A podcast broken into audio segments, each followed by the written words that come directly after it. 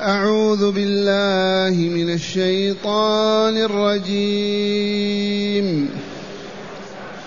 كذبت ثمود بالنذر فقالوا أبشرا منا واحدا نتبعه إنا إنا إذا لفي ضلال وسعر. أألقي الذكر عليه من بيننا بل هو كذاب أشر. سيعلمون غدا من الكذاب الأشر.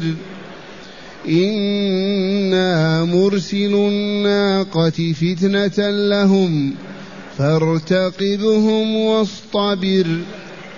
ونبئهم أن الماء قسمة بينهم. كل شرب محتضر. فنادوا صاحبهم فتعاطى فعقر.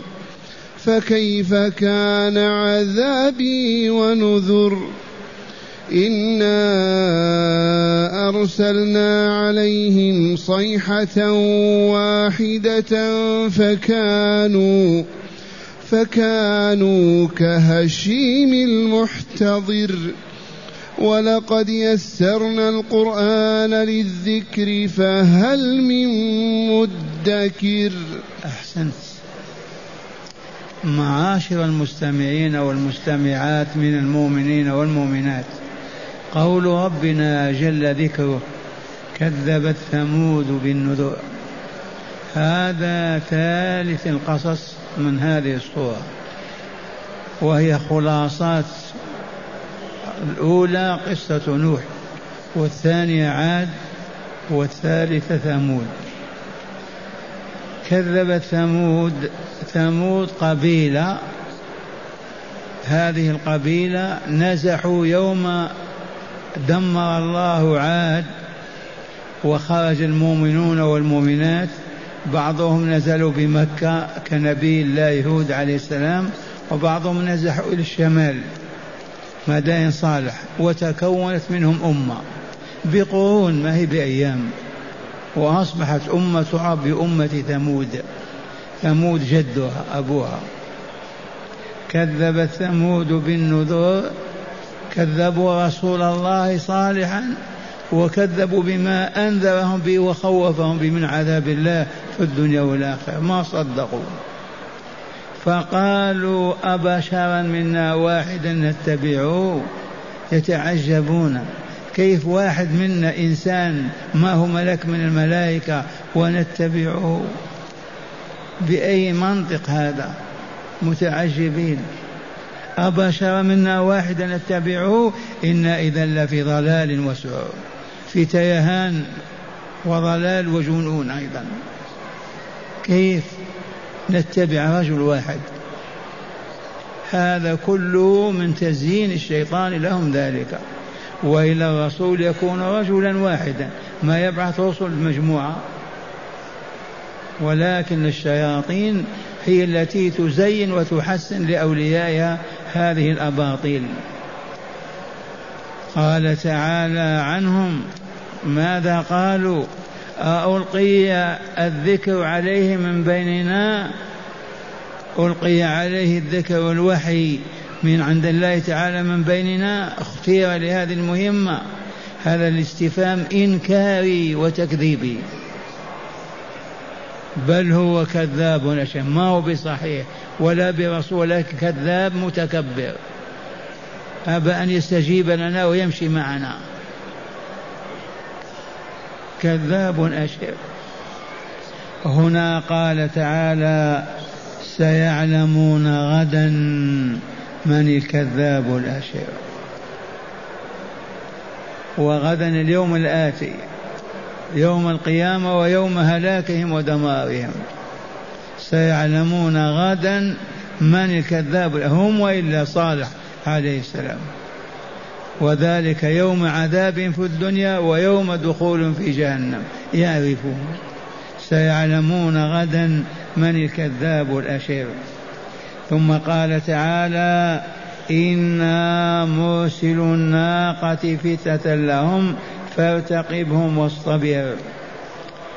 الناقة من جملة ما طالبوا صالحا به قالوا إن كنت تدعي أنك رسول الله فادعوا الله يخرج لنا ناقة من هذا الجبل. صخرة في الجبل تنشق ويخرج منها ناقة. تحديا وإلا ما جرت سنة الله بهذا أبدا. لكن العناد والمكابرة والتحدي. وقام عليه السلام يصلي ويدعو وما زال يصلي ويدعو حتى انفلقت الصخرة وخرجت منها ناقة عشراء جميلة لا أحسن منها. والله العظيم. فقال تعالى إنا مرسل الناقة فتنة لهم فارتقبهم واصطبر. فتنة لهم اندهشوا وتعجبوا. لا سيما أن الماء الذي في بير البلاد يشربون منه تأخذه الناقة يوما وحدها. اليوم الثاني لأهل البلاد. والحليب الذي الماء الذي تشربه كله يتحول إلى لبن وتقف أمام كل بيت يحلبون منها. فازدادوا بذلك فتنة. كيف هذا؟ ناقة تشرب الماء كلها كله. ثم يتحول إلى لبن ونحلبه كله. فتنة. بدل ما يؤمنوا ويصدقوا ويسلموا ازدادوا كفرانا والعياذ بالله. إنا مرسل الناقة فتنة لهم فارتقهم يا عبدنا يا رسولنا واصطبر. على ما يجري ويتم بينك وبينهم. ونبئهم علمهم أن الماء قسمة بينهم. كل شرب محتضر. علمهم أن الماء مقسوم يوم للناقة ويوم لهم هم. وكل شرب محظور عن صاحبه. يوم الماء ما يجوز واحد يأخذ منه ويوم الناقة الحليب كذلك. لكل بين كل شرب محتضر خاص بصاحبه. يوم الماء للناقة ما يجوز أن يأخذ الماء. اليوم الثاني التي هي لبن الناقة ما تأتي لتشرب الماء. كل شرب محتضر. فنادوا صاحبهم وهو غدار بن سالف. أخبثهم. وأمة النبي محمد صلى الله عليه وسلم فيها أيضا عقبة بن أبي معيط كغدار بن سالف لأنه كان النبي صلى الله عليه وسلم يطوف بالبيت ويصلي وهو راكع فجاء بسلاج سور ووضع على صد على ظهره صلى الله عليه وسلم. فكان أخبث هذه الأمة كغدار بن سالف أخبث قوم أخبث قوم ثمود والعياذ بالله. ومما عرفناه أن فاطمة الزهراء وهي طفيلة هي التي جاءت وأخذت ذاك السلا وأبعدته عن ظهر أبيها حول الكعبة. فكان عقبة بن معيط أخبث هذه الأمة. غدار بن سالف والعياذ أخبث تلك الأمة. إذا فنادوا صاحبهم غدار بن سالف فتعاطى أعطوني الحديد أو السيف فأعطوه فعقر الناقة. ضربها في رجليها لما سقطت ذبحها. يريد أن يروا ماذا يحدث. خلي نقتل هذه الناقة ما الذي يحصل؟ والذي حصل والله مساء الأربعاء.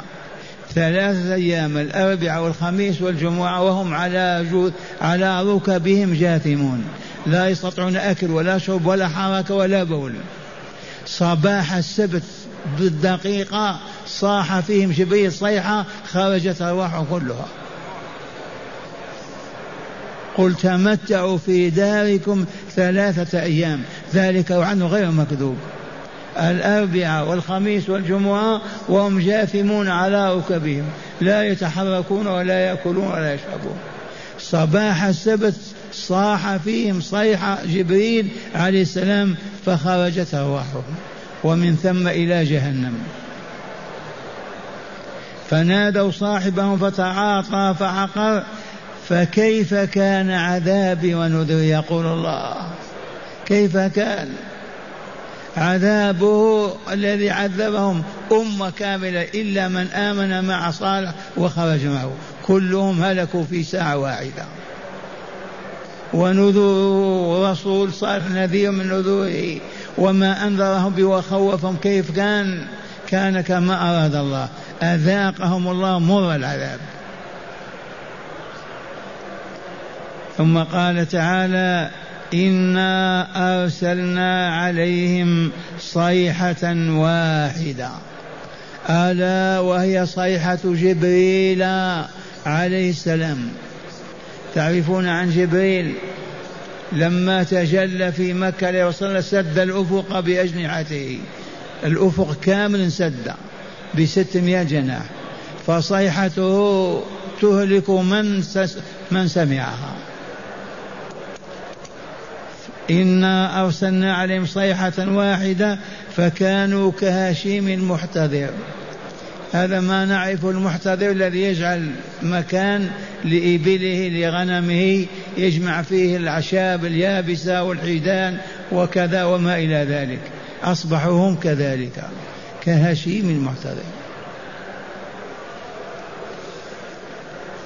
ثم قال تعالى ولقد يسرنا القرآن للذكر. هذه المرة الثالثة. ولقد يسرنا القرآن للذكر.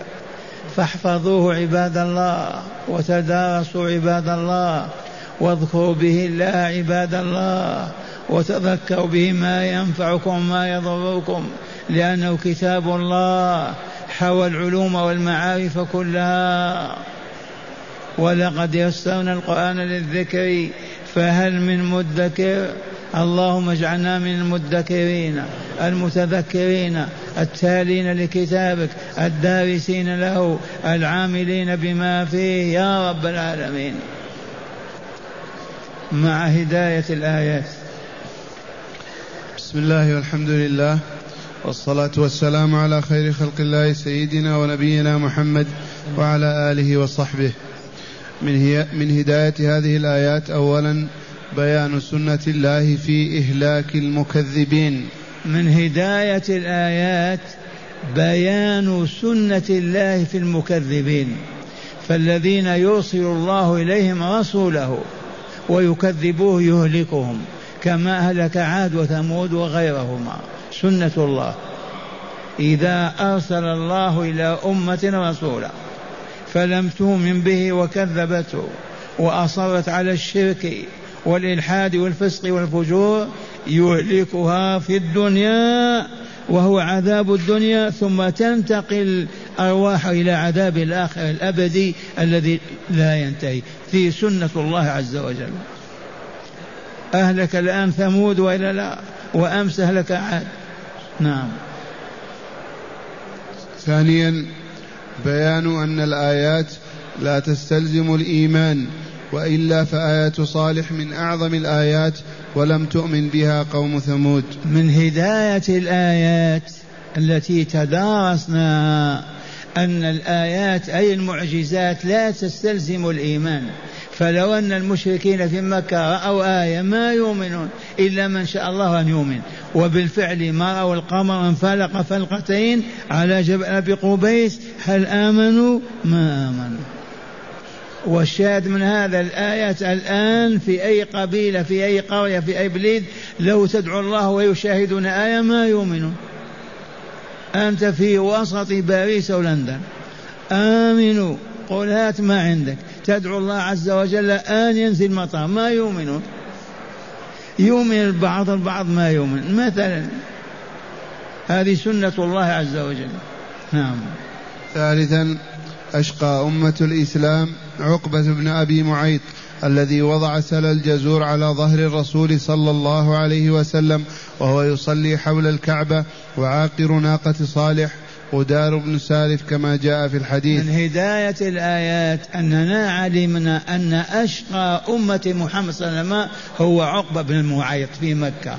لماذا؟ لأنه يأتي بسلا جزور من من الصفاء والرسول راكع يضعه بدمه وأوساقه على ظهر الرسول. من يفعل هذا أمام مع رسول والله لا أشقى هذه الأمة. وغدار بن سالف الذي قتل الناقة. ضربها في رجليه لما سقطت ذبحها والعياذ بالله. نعم.